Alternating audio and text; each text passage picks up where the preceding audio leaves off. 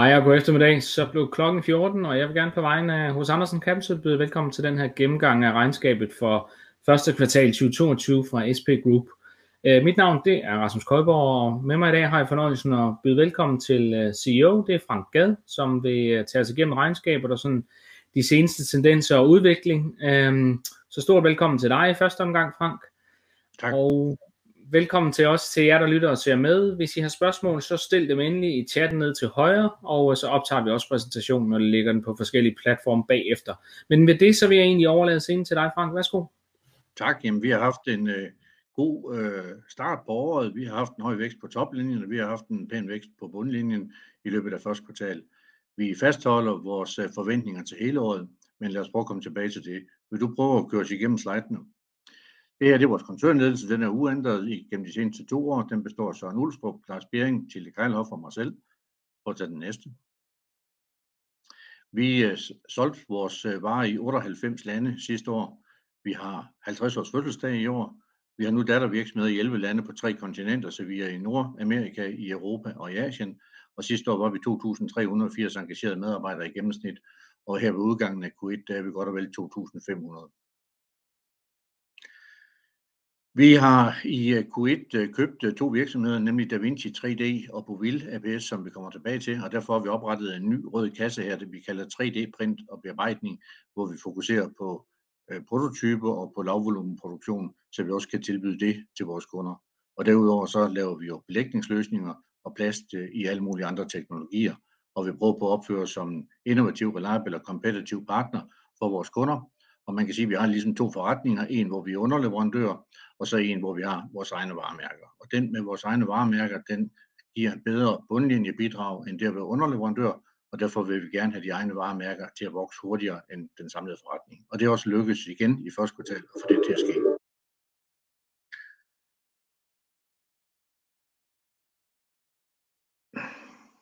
Vil du skifte? Jeg hopper videre herfra. Yes. Godt, godt. Billedet øh, her viser, at vores omsætning steg 20% i øh, Q1. Billedet her det viser en af vores store investeringer, som vi netop har gennemført. Det er et anlæg, der kan lave store plastemner i 4,5 øh, meters længde, 2,5 meters bredde og 1 meters højde. Og sådan et anlæg har vi nu i Kina, og så har vi to i Danmark, så vi både kan forsyne det europæiske marked og det kinesiske marked. Prøv at tage den næste.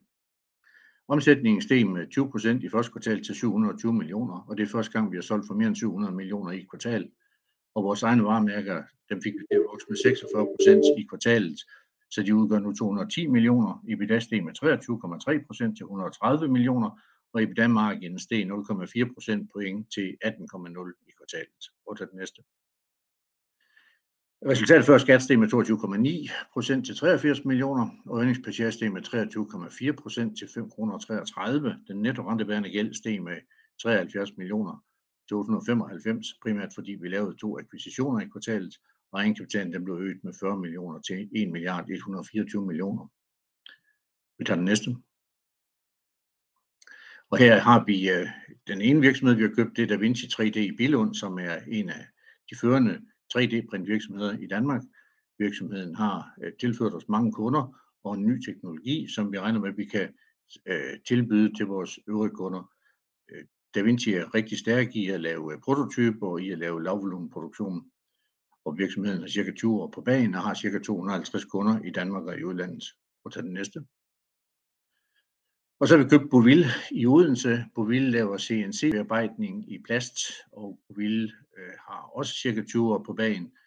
på bor i øh, Titgenbyen i Odense, og her har vi også købt øh, ejendommen med. Det gjorde vi også i Bilund, og virksomheden har cirka 150 kunder. Og CNC-bearbejdning er rigtig godt, når man skal lave lavvolumenproduktion, fordi så kan man undgå at investere i en form. Så man kan lave hurtigere time to market og lave nogle konkurrencedygtige løsninger. løsninger. Prøv at tage den næste. Og prøv at tage den. Jeg tror, vi hopper lidt hen over den her, så tror jeg, vi bliver enige om at have her en omsætning, ikke? Ja, der kan du se her, at uh, omsætningen den har nu uh, lige præcis nået 2,6 milliarder i de seneste 12 måneder, uh, efter vi voksede de 20,4 procent uh, i første kvartal og 13,9 procent sidste år og 8,2 procent året før. Og i gennemsnit over den her periode på 11 år, der er vi vokset 10 procent per annum. Vi har også vokset lidt hurtigere i perioden fra 14 til 17, hvor vi var oppe på 16 procent. Men jeg tror aldrig, vi har været oppe og vokse 20 procent. Øh, ja, vi har måske nok været det en, en gang i kvartalet også dengang, men det her det, det er en historisk høj vækstrate for os, og hovedparten af det er organisk. Prøv den næste. Vores EBITDA steg med 23 procent øh, i kvartalet, og det steg med 16 procent i gennemsnit øh, fra 2010 til 2021, og vi er nu oppe på 448 millioner i EBITDA over de seneste 12 måneder. Og hvis du tager den næste, så viser den overskuddet før skat, og det vokset 22,9 procent, og her er vi oppe på 273 millioner i de seneste 12 måneder. Og i gennemsnit er det vokset cirka 22 procent siden øh, 2010, altså hvor vi kom ud af finanskrisen. Prøv at tage den næste. Og den rentebærende gæld er på 2,0 gange de seneste 12 måneders EBITDA. Det er en lille vækst i forhold til der, hvor vi lå øh, kvartalet tidligere, øh, men det er stadigvæk på et særdeles komfortabelt niveau for os, og grunden til, at den er hoppet op fra 1,9 til 2,0, det er fordi vi lavede to akquisitioner på et kvartal.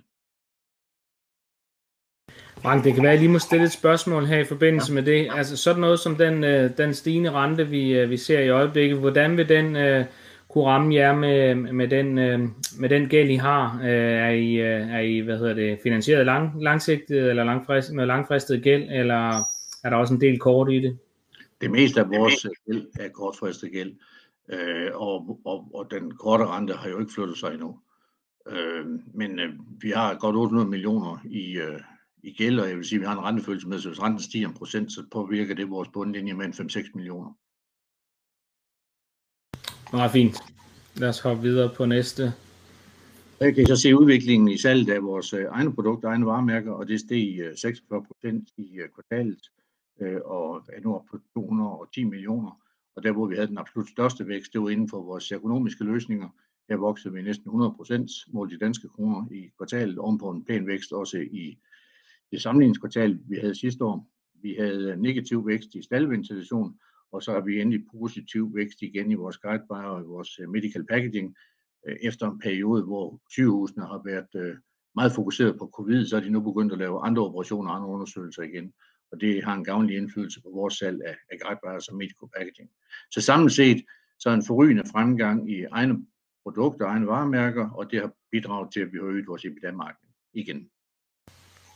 Frank, også lige et spørgsmål i forbindelse med det her. Det kan være, det var en, en spørger, der kom lidt sent med i præsentationen, for jeg mener faktisk, du var inde på det lige i begyndelsen, det her med om indtjening for egne varemærker, om den er mere attraktiv, men det mener jeg faktisk, du var inde at sige i, i begyndelsen. Jamen det sagde jeg også, og det, og det er den også. Ja. Godt. Så fik vi den slået fast også. Vi hopper videre til næste her. Ja, lad os gøre det. Og der kan du så se, at vores cleantech-salg, det så det gengæld var noget fladt her i første kvartal. Øh, det var øh, stort set samme niveau som, som året før, hvorimod healthcare det gik pænt frem og voksede med 46 procent. Øh, andre krævende industrier voksede med 13 procent, og fødevareindustrien voksede med 36 procent.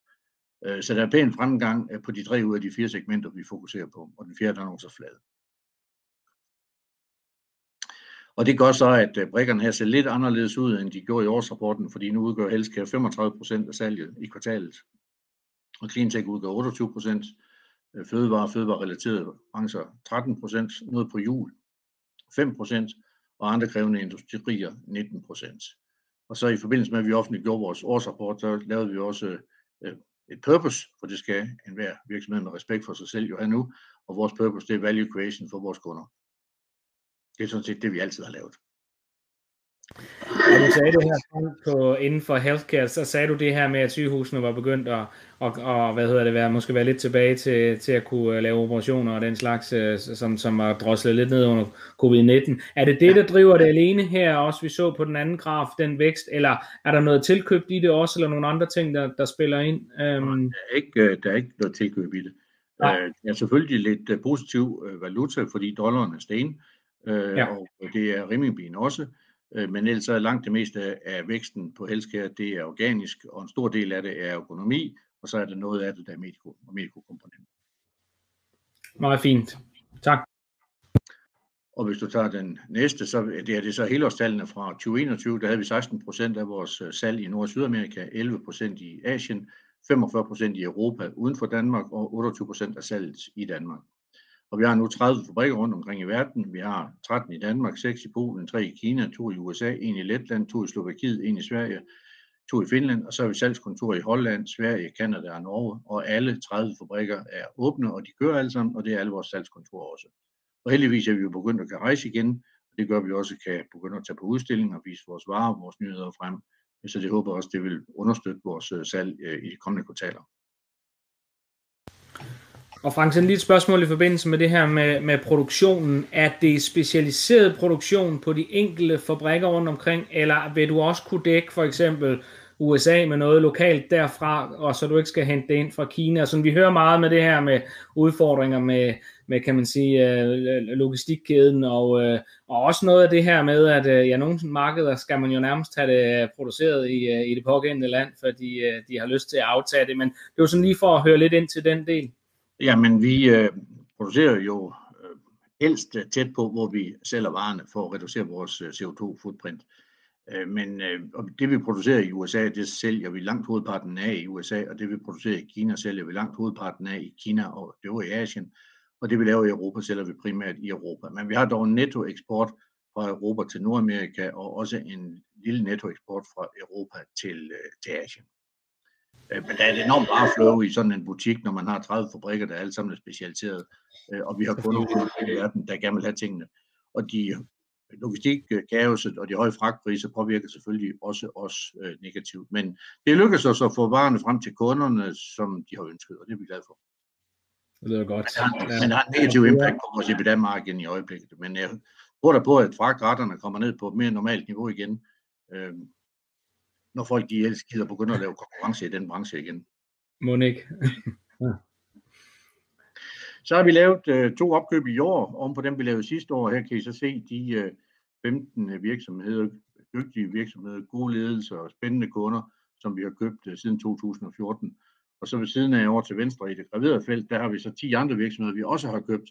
Det er så virksomheder, som vi har lukket, og som vi har integreret i de andre fabrikker, så vi på den måde har dem af med de faste omkostninger, men vi har holdt fast i filen, som er kunderne og produkterne og markederne, øh, og det har så gjort, at de øvrige fabrikker er kommet til at køre bedre. Og så er det jo fantastisk altid, når man får nogle nye kollegaer, fordi de kan hjælpe med at forbedre det, vi havde i forvejen, fordi det er dygtige konsulenter, øh, der kan give os om, hvordan vi får vores forretning til at køre endnu bedre. Og her i år, da vi så købte Da Vinci på Bovil, som jeg sagde sidste år, der købte vi Atlantic Float, Neptun Plast og Jolmax, og året før igen, der købte vi Danhill. Og vi drikker fortsat kaffe øh, med alle dem, der vil drikke kaffe med os. Så hvis nogen har en god virksomhed, de gerne vil sælge til os, der passer godt ind, så vil vi meget gerne høre noget mere. Er det budskab givet videre i hvert fald. Vi går videre til den næste her. Jamen, den viser jo, at vi fortsat arbejder med vores internationalisering, og her i første kvartal der er vi nu oppe på at have 73 procent af salget i udlandet. Vi har 73 procent af medarbejderne i udlandet.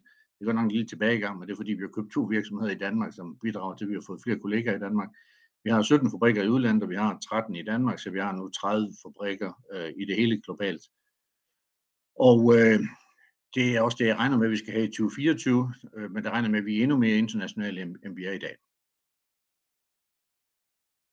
Og det her, det viser sig udviklingen i aktiekursen, og der har vi jo desværre haft en stor nedtur her i de første øh, fem måneder af i år. Øh, den her, den er kun opdateret den 30. april, men uh, anyway, vi, vi kom ud af sidste år i kurs 441, så har vi jo været uh, væsentligt længere nede, og nu ligger vi så i 355-60 stykker. Men på den lange bane har det været uh, godt at være aktionær i, i SP-grupper, og det håber vi også, det vil være i fremtiden. Uh, det kan man specielt se på den nederste kurve, hvor vi er den røde kurve, og de to flade kurve, det er henholdsvis uh, C20 i Danmark, og så er det Stock 600. Uh, og, og, og på den her 11 års periode, der er vi øh, en af de tre aktier, der har klaret sig bedst på øh, Københavns Fondsbørs. Og vi er klar til at foretage flere akquisitioner. Vi har tre gange udstedt nye aktier inden for de sidste 15 år. Først gjorde vi det i 2006. Der udstedte vi 10% nye aktier, fik 18 millioner i kassen. I 15 udstedte vi 9,88% og fik 56 millioner i kassen, primært for at købe Ulstraplast. Og så i 2020, der udstedte vi 9,66% nye aktier, så er vi jo klar til at gå ud og lave akquisitioner. Der har vi så øh, leveret en del akquisitioner siden da. Øh, vi har ingen aktuelle planer om at udstede flere aktier, men vi kan gøre det. Og på aktionærfronten er der også sket noget, fordi en af vores store aktionærer har flaget til at for ganske nylig, at de er gået under 5%. Det var Universal Investment fra Tyskland. Så nu er vores store aktionær ATP i Danmark, Landebo i Sverige, Odin i Norge, vores bestyrelsesformand, som gennem Sure Finance har 15,5 procent, og mig selv, øh, som har 11,6 procent. Øh, så de øvrige aktionærer ejer de resterende 52,5 procent af aktierne, og hvis man tager hele ledergruppen, direktion, bestyrelse og ledende medarbejdere, så ejer vi cirka en tredjedel af aktierne. Øh, så vi har hånden på kogepladen. Og man kan også se, at vi løbende har fået flere aktionærer, så vi er nu oppe på 3.350 aktionærer. En pæn vækst fra sidste år. Og også en vækst igen i, i de første måneder her i år. Jamen, du må gerne gå videre. Jamen, øh, vores kunder, de vil gerne have nogle bedre og billigere produkter, og det hjælper vi dem med, så vi hjælper dem med at slippe af med noget dyrt træ og noget dyrt metal og noget dyrt glas, og erstatte det med plast og komposit. Vi producerer globalt med et stærkt team, det rette udstyr og den rette teknologi. Vores kunder fokuserer på deres core business, outsource og plastproduktion til specialister, og vi prøver så at hjælpe dem med at bruge vores viden og vores øh, størrelse til at give dem en konkurrencedygtig løsning med høj kvalitet, lave omkostninger og høj fleksibilitet. Kunderne de vil have færre og bedre leverandører, så vi vil gerne være preferred supplier. Og for at blive det, så skal vi både levere øh, kvalitetsprodukter til en konkurrencedygtig pris, vi skal hjælpe med at skabe værdi for kunderne, og så skal vi have så bred en palette af serviceydelser, så vi rent faktisk også kan hjælpe kunden med at være one-stop shopping, og det er det, vi bestræber os på, og det kan vi så komme et skridt videre med, med de akquisitioner, vi har lavet her i år. Og så er det de her megatrends, øh, som er en større aldrende befolkning, klimaudfordringen og ressourceknapheden, så vi fokuserer på healthcare, cleantech og fødevareindustrien. Der kommer flere og flere mennesker på jorden, de vil gerne have bedre og længere liv, vi vil gerne have lavet en grøn omstilling, og vi vil gerne have bedre og sundere fødevarer. Og det udgør mere end 75% af vores forretning. Og det har vist sig at være øh, øh forholdsvis stabilt, vil jeg sige, både igennem øh, pandemien og også igennem den uro, der har været i år. Så vi har klaret at levere toplinjevækst øh, hele vejen igennem, som vi så på en af de tidligere slides. Prøv at tage den næste. Den viser sig kvartalstallene 720 millioner op fra 598 til 20% op, og EBITDA 23% og EBIT op med 25% og resultat før skat op med 22,9%. Vi har en beskeden pengestrøm fra driften, fordi med en høj vækst på toplinjen, så binder vi flere penge i working capital. Vi har fortsat med at investere kraftigt både i de to akquisitioner, Øh, og derudover så har vi købt en række maskiner og udstyr, og vi har også købt mere jord i Polen, så vi er klar til at gå i gang med at bygge nogle nye fabrikker. I øjeblikket er vi i gang med at bygge en stor fabrik i Polen på 12.000 kvadratmeter, som gerne skulle blive færdig i august øh, måned i år. Øh, og når vi så er færdige med den, så håber jeg på, at vi kan gå i gang med at bygge en ny fabrik. Vi har stadigvæk en god soliditet. Den er 40% af vores balance ved udgangen af Q1. Prøv at tage den næste. For billedet her, det viser Kriegers Flak, som er en ny stor havvindmøllepark ude i Østersøen, og da den blev indviet i øh, sidste år, der tror jeg, det var verdens største havvindmøllepark. Øh, og vi er glade for, at øh, både politikerne i EU og i USA og i Danmark fokuserer stærkt på at få stillet nogle flere vindmøller op, både på land og på havet, og også gerne nogle flere solceller. Vi har leveret nogle glaskomponenter til de her møller, der står ude på Kriegers Flak, og det er vi meget glade for og meget stolte over, at vi har fået lov til. Prøv at tage det næste billede. Ja, altså det er jo en, øh, en øh, foranderlig verden, vi, vi lever i. Jeg tror stadigvæk på, at der kommer økonomisk vækst øh, for hele året, men den der foregår jo en opbremsning i verdensøkonomien i øjeblikket. Vi har krigen i Ukraine, vi har coronavirus, og der har lige været en række nedlukninger i Kina. Først i Shanghai-området og senere op i Shenzhen og i Beijing-området. Vi har klaret frisag indtil nu, men det har selvfølgelig påvirket os med besvær med at få varer ind og ud og varer til og fra havnen, og også besvær for vores øh, kollegaer til at komme på arbejde, så nogen har måttet arbejde hjemmefra, men vi har holdt alle tre fabrikker i Kina åbne, også i, øh, i år. Vi forventer for hele året en vækst i omsætningen på mellem 5% og 15%, en EBITDA-margin på mellem 16% og 18%, og en bundlinje på mellem 9% og 12% før skat. Prøv den næste. Og den forventning vil jeg så sige, den er så uændret i forhold til det, vi sagde, da vi kom med årsrapporten. Øh, vi er glade for, at vi i Q1 har haft en højere vækst end det, vi guider for hele året, men når vi ikke har ændret guidance for hele året, så er det jo fordi, vi forventer en opbremsning i økonomien i de kommende måneder. Billedet her, det er fra en øh, ny bilfabrik i USA, øh, som laver biler, der hedder Lucid. Fabrikken hedder også Lucid, og det I skal fokusere på her, det er det fine, lange grå stribe, der er på gulvet. Det er nemlig vores økonomiske modder, som manden, der samler bilen, han går på, mens han bygger de her fantastiske biler. Prøv at tage det næste billede. Vores ambition frem mod 2024, det er, at vi fortsat gerne vil vokse med de kunder, vi har med organisk vækst. Vi har også plads til nye kunder. Vi vil gerne øge andelen af egne produkter, så de kommer til at udgøre mellem 28 og 30 procent af omsætningen i 24 mod de 26 procent, det udgjorde sidste år. Vi vil gerne fortsætte vores buy build strategi, hvor vi laver akquisitioner og køber gode virksomheder. Også gerne nogle virksomheder, der har nogle egne produkter, egne varemærker, som vi gjorde med Daniel og vi har gjort med Neptunplast. Vi vil fortsætte med at lave store investeringer i teknologi og i mennesker. Vi vil øge internationaliseringen, og vi vil sammen med kunderne øge øh, brug af recycling og hele tiden arbejde på at få en bedre konkurrencekraft og hele tiden arbejde på at være en innovativ, reliable og kompetitiv partner for vores kunder. Prøv at tage den næste. Og hvis vi omsætter til tal, ja, så var vi i det lyseblå felt sidste år, og i 24 vil vi gerne være i det mørkeblå felt. Og for at komme fra en omsætning på de 2,5 milliarder til mellem 3,3 og 4, så skal vi vokse mellem 10 og 17 procent om året. Vi er vokset 10 procent i gennemsnit de sidste 11 år. Der var en periode, vi var oppe og voksen 16-17 procent, og derfor så føler jeg mig komfortabel med, at vi når ind i intervallet her mellem 3,3 og 4. Vi havde en EBITDA-margin sidste år på 17. I år der har vi en på 18 i Q1. Øh, vi håber på, at vi kan trække den op i nærheden af 19, hvis ikke vi laver nogle akquisitioner, der deluter, men det kan jo være, at vi gør det, og derfor så guider vi i 24 mellem 17 og 19. Vi havde sidste år en bundlinje på 10,4, øh, vi guider mellem 10 og 12, og det skal forstås sådan, at hvis vi kan hente 4 milliarder i omsætning, så tror jeg, at vi skal være heldige og dygtige for at have 10 procent på bundlinjen. Det giver 400 millioner. Vokser vi knap så hurtigt, så kan vi nok godt komme op på 12 procent på bundlinjen på 3,3 milliarder, og det giver også 400 millioner. Så ambitionen er at gå fra 258 millioner i overskud før skat sidste år til 400 millioner i 2024. Og for at gøre det, så skal vi vokse nogenlunde med den hast, vi er vokset med i gennemsnit over de sidste 11 år. Øh, så det er ikke urealistisk. Vi har en sund balance, og det vil vi gerne have både på vej hen til 24 og også i 24, så vores investorer kan sove godt om natten, og vores øh, långiver og vores kunder også kan det. Så vi har en sund balance, og det er med den balance, vi har nu, plads til at give den yderligere, hvis der opstår akquisitioner, der er værdiskabende.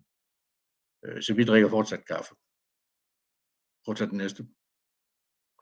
Så skal der være bæredygtighed i alt, hvad vi foretager os, vi har jo meldt ud allerede for et år siden, at vi har en ambition om at have nul miljøbelastning for vores aktiviteter, og at alle vores fabrikker skal køre på vedvarende energi senest i 2030.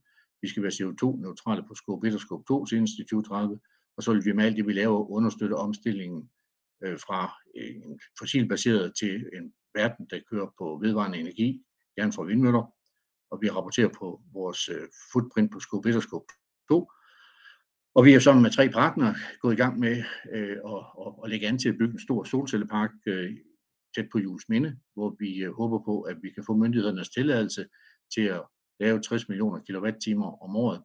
Og de 60 millioner kWh, det svarer til det SP Group nogenlunde bruger globalt. Da vores partner også skal have noget af det, så kan vi sige, at den vil, når den kommer i drift, forhåbentlig i 24 eller 25, levere al den strøm, øh, vores fabrikker i Danmark bruger, nemlig i niveau 30 millioner kWh. Og så er vi i gang med at sætte solceller op på tagene på vores fabrikker i Polen og i øh, Finland, og vi har flere initiativer undervejs. Så, og indtil vi når hen til, at vi kan køre al vores produktion på vedvarende energi, vi selv fremstiller, så køber vi certificeret grøn strøm. Øh, forløbig gør vi det i Danmark, og vi gør det i Polen, og alt det strøm, vi bruger. Prøv at tage den næste. Øh, vi øh, mener, at vi med vores team og vores teknologi understøtter alle verdensmålene, og det har vi skrevet en del om i vores seneste årsrapport, hvor I kan læse fra siderne 44 til 62 øh, mere om det. Prøv til tage den næste. Øh, billedet her er et øh, billede, der viser, det er Ocean Cleanup, der viser to mærskib, der er i gang med at travle Stillehavet igennem for at samle plast op i havene. Og øh, det er ikke os, der har produceret det plast, der ligger i havene, for vi laver ikke plastposer, engangsbestik, øh, vatpinde, sugerør, engangsflasker og kapsler. Vi laver tekniske løsninger, som kan bruges til noget fornuftigt.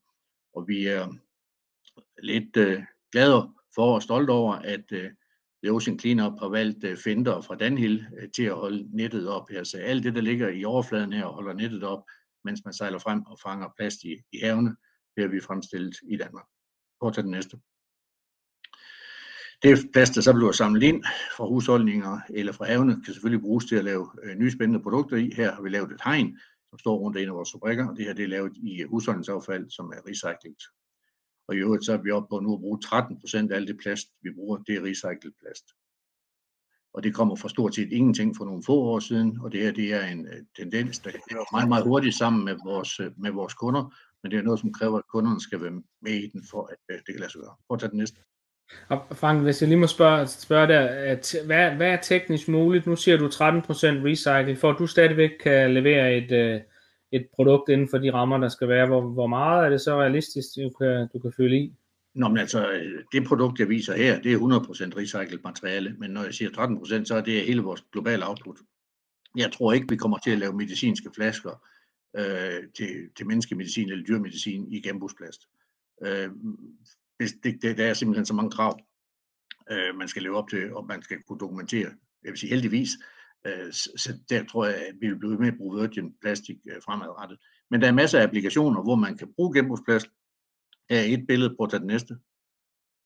Her har vi sammen med et øh, stort øh, rederi lavet øh, containergulve, øh, hvor vi har erstattet øh, plywood fra tropisk regnskov øh, med husholdningsaffald. Øh, det her det, det har meget bedre øh, CO2-footprint end øh, tropisk regnskov, som man går ud og fælder. Så kan man lade regnskoven vokse videre, og så kan vi bruge plastaffald til at lave containergulv i. Prøv at tage den næste. Her har vi lavet øh, nogle industrielle løsninger, nemlig et øh, låg til en palleramme, som er lavet i 100% genanvendt plast. Det er jo vores eget produkt, som øh, Nykopak laver. Og ved siden af det har vi windhoods til en grisestal, som TPI laver. Det er lavet i 90% øh, genbrugsplast, og så er der 10% ny plast på overfladen, for at give det den nødvendige øh, UV-beskyttelse, så det kan tåle at sidde ude i solskin i 20-30 år. Prøv at tage den næste. Her har vi for Moto lavet en stol, hvor vi har erstattet 25% af plasten med træfibre. Det gør, at hver enkelt stol er helt unik, fordi træ det er et organisk materiale, og det opfører sig forskelligt fra gang til gang. Prøv at tage den næste. I det hele taget så er vi en del af løsningen, vi er ikke en del af problemet, fordi fremtidens samfund skal bruge Øh, plast- og kompositløsninger inden for cleantech-industrien til at lave den grønne omstilling, inden for healthcare til at give et bedre og sundere liv, inden for fødevareindustrien til at lave nogle bedre fødevarer, og inden for automotive til at lave nogle lettere og mere energieffektive køretøjer, hvor vi erstatter metal med plast. Og så husk på, at ud af de 100 millioner tønder olie, som verden bruger hver dag, at der går kun de 5% til at lave plast ud af. De 95% de bruges til afbrænding, enten i biler eller i øh, flyvemaskiner, eller ved opvarmning, eller i et andet sted. Og de 5%, der laves plast af, dem kan man så bruge i 20 år som plastkomponent, og bagefter kan man så øh, smelte den om og lave et nyt plastkomponent ud af den. Så kan man smelte den om igen efter 20 år, og til sidst, hvis man bliver træt af at smelte den om, så kan man lave energi ud af det, øh, men så har man i mellemtiden haft fornøjelsen af olien i form af et plastprodukt i en lang årrække. Prøv til den næste. Så kom vi igennem. Og billedet her, det viser så et af vores nye produkter, som vi lancerede ultimo sidste år. Det er en øh, ny guidewire, øh, som vi venter os meget af. Den har vi udviklet på i en årrække. Øh, og nu har vi lanceret den, og vi har fået de første ordre, og det er vi glade for. Meget fint, tusind tak for det, Frank. Og lad os, øh, lad os tage et spørgsmål. Jeg, jeg hopper lige en slide tilbage her, fordi de, de uh, centrerer sig ind i flere af dem omkring det her. Øhm, der var en, der spurgte tidligere omkring det her, hvilken grad sådan de øgede oliepriser sætter sig i, i prisen på, på de råvarer, I skal bruge til, øh, til plastproduktion. Hvor, hvor, hvor stor er din, øh, din følsomhed der, kan man sige? Jamen, den er jo stor, fordi øh, øh, plastråvarerne er generelt sten igennem de sidste øh, cirka 18 måneder. Øh, vi har med alle de kunder, hvor vi er underleverandør, der har vi back-to-back aftaler. Så hvis råvareprisen stiger mere end typisk 3%, så er vi, øh, så er vi ret til at sende en ny prisliste og opdatere priserne. Der hvor vi har vores egne produkter, som nu udgør næsten 30% af omsætningen, øh, ja, der må vi jo tage stilling til, hvornår vi synes, at, øh, at, at øh, hvad, hvad gør konkurrenterne, og hvornår er tiden inde til, at vi kommer med en ny prisliste til markedet. Øh, og vi, det er en evig kamp med at få sendt øh, prisstigningerne videre til vores kunder. Og jeg vil sige, det er noget, der typisk foregår med en vis forsinkelse, fordi for vi får en prisstigning, og så indtil den er implementeret i det produkt, vi leverer til kunden, der går der måske typisk tre måneder. Nogle gange går det hurtigere, andre gange tager det lidt længere tid. Men hvis du tager den samlede SP Group forretning, så tager det cirka øh, tre måneder med at få det implementeret. Og hvad udgør plasten, så er den samlede omsætning, jamen indkøb af plastropper udgør cirka halvdelen af vores omsætning. Så det er klart, at øh, det er noget, der påvirker vores øh, økonomi meget, øh, hvis ikke vi kan sende prisstigningerne øh, videre. Vi er selvfølgelig også påvirket af stigende energipriser, og øh, dem øh, sender vi også videre. Derudover så stiger kasser, og så stiger paller og alle mulige andre sjove ting, og dem, øh, dem kæmper vi også med for eksempel. Selvfølgelig. Selvom, vi så, selvom, så, får, selvom vi så får dem sendt videre, så vil jeg så sige, så har det jo en negativ impact på vores EBITDA, fordi hvis du har en salgspris på 100, og du sætter salgsprisen op til 110, fordi råvarerne er sten, men du stadigvæk kun har 17 i EBITDA, ja, så falder EBITDA-marginen fra 17% til 15,1 eller andet på grund af matematikken i det her. Så der er yes. under, man kan sige, et underliggende pres på EBITDA-marginen nedad med stigende energipriser og stigende råvarepriser. Og det har vi så i første kvartal været i stand til at, at, at så at sige, offset ved at sælge nogle flere egne produkter, øh, hvor vi har haft en lidt bedre margin på, og derfor samlet set, så er det lykkedes både at øge salget og øge marginen, selvom vi er ramt af omkostningsstigninger, ligesom alle andre. Og der fik du egentlig også svaret meget godt på et af de spørgsmål, der var. Det var netop det her, om det lykkedes at vælge stigende indkøbspriser over på kunderne. Om der, så spurgte vedkommende, om der er mulighed for at øge marginalerne. Det kan vi så høre, det er der som udgangspunkt ikke i hvert fald. Øhm, med, med det regnskab. Ja. Tværtimod vil jeg sige. Øh, kunderne er alle sammen meget op på, at øh, pengene skal gå retfærdigt til, og, øh, og det gør de også. Og det er vigtigt, ja. at vi er i stand til at dokumentere, at, at, det vi laver, det er, det er fair, det er i orden. Ellers så vil vi ikke have forståelse hos kunderne i ret lang tid, for at vi skal have prisstigninger. Naturligvis. Øhm, og så var der lidt et spørgsmål også omkring det her i forhold til, om I selv opfinder sådan nogle metoder til recycling, eller om I går ud og laver nogle partnerskaber og lignende på, på den del. Øh, jeg tror ikke, man kan påstå, at vi selv opfinder nogle metoder til recycling, men der jeg arbejder vi tæt sammen med øh, partnere, Øh, det er det ene, og det andet det er, at vi arbejder tæt sammen med kunderne om, hvad kunderne har lyst til at få lavet i recyclet materiale. Så hvis du prøver at gå til side 44 i præsentationen, der har vi en, øh, et billede her, der viser øh, de forskellige teknologier, vi arbejder indenfor, og der, hvor vi har sat en grøn cirkel på, det er der, hvor vi i et eller andet omfang øh, bruger øh, genbrugsmateriale. Det kalder vi regrind eller recyclet plastik her. Og det gør vi inden for rotationsstøbning, inden for vakuumformning, inden for sprøjtestøbning, blæsestøbning og eksplodering. Øh, og det gør vi tæt samarbejde med kunderne. Og i nogle produkter, som vi viste før, jamen, der kan man have måske 10% recyclet materiale i, og så er der andre, hvor man kan lave det 100% recyclet materiale. Men det kræver jo, at kunden er, er med på det, og at, og at det er kundens øh, man kan sige, ønske, at det skal laves på den måde. Og det er der heldigvis flere og flere kunder, der har øjnene op for, at, at det er vigtigt, at man har bæredygtighed tænkt ind i de nye produkter, man udvikler. Ja, det var faktisk også lidt et spørgsmål, der var netop det her, om der er sådan et, hvad skal vi kalde et øget pres på ESG-delen, altså både fra, fra kunderne, eller hvad kan man kalde det et pres, men en efterspørgsel så i hvert fald, som I prøver at leve op til, men om det også er samtidig noget, I oplever fra, fra investorsiden af, at, øh, at, de også, øh, at de også gerne ser, at der bliver lavet nogle initiativer på det område. Jamen bestemt, og det var også derfor, at det viste den slide der med, at vi arbejder på at få hele vores produktion til at køre på, øh, Øh, på, på, på renewable energy øh, senest i 2030. Men prøv at gå til side 51. Fordi der er også et større og større krav om, at vi skal hjælpe værdikæden med at tage plasten tilbage igen og recycle den. Man kan sige, at kunden kommer til os med en idé. Vi hjælper kunden med at vælge den rigtige råvare, den rigtige produktionsproces. Vi designer og bygger typisk en form og vælger den rigtige produktionsudstyr, og så producerer vi en af de teknologier, vi viste på den foregående side, side 44. og så kan vi lave noget efterbehandling på det ved at printe i det, svejse, lasergravere, 3D-scan, code, montage, pakning, og så leverer vi til tiden. Så installerer kunden sin plastkomponent, f.eks. i en bybus eller i en vindmølle eller i et køleskab, hvor der så sidder og udfører sin funktion i 20 eller 30 år, og når man så skiller produktet ad, så kan kunden sende plastkomponenten tilbage til os, og så kan vi smelte den om, og så kan vi lave nye varer ud af det.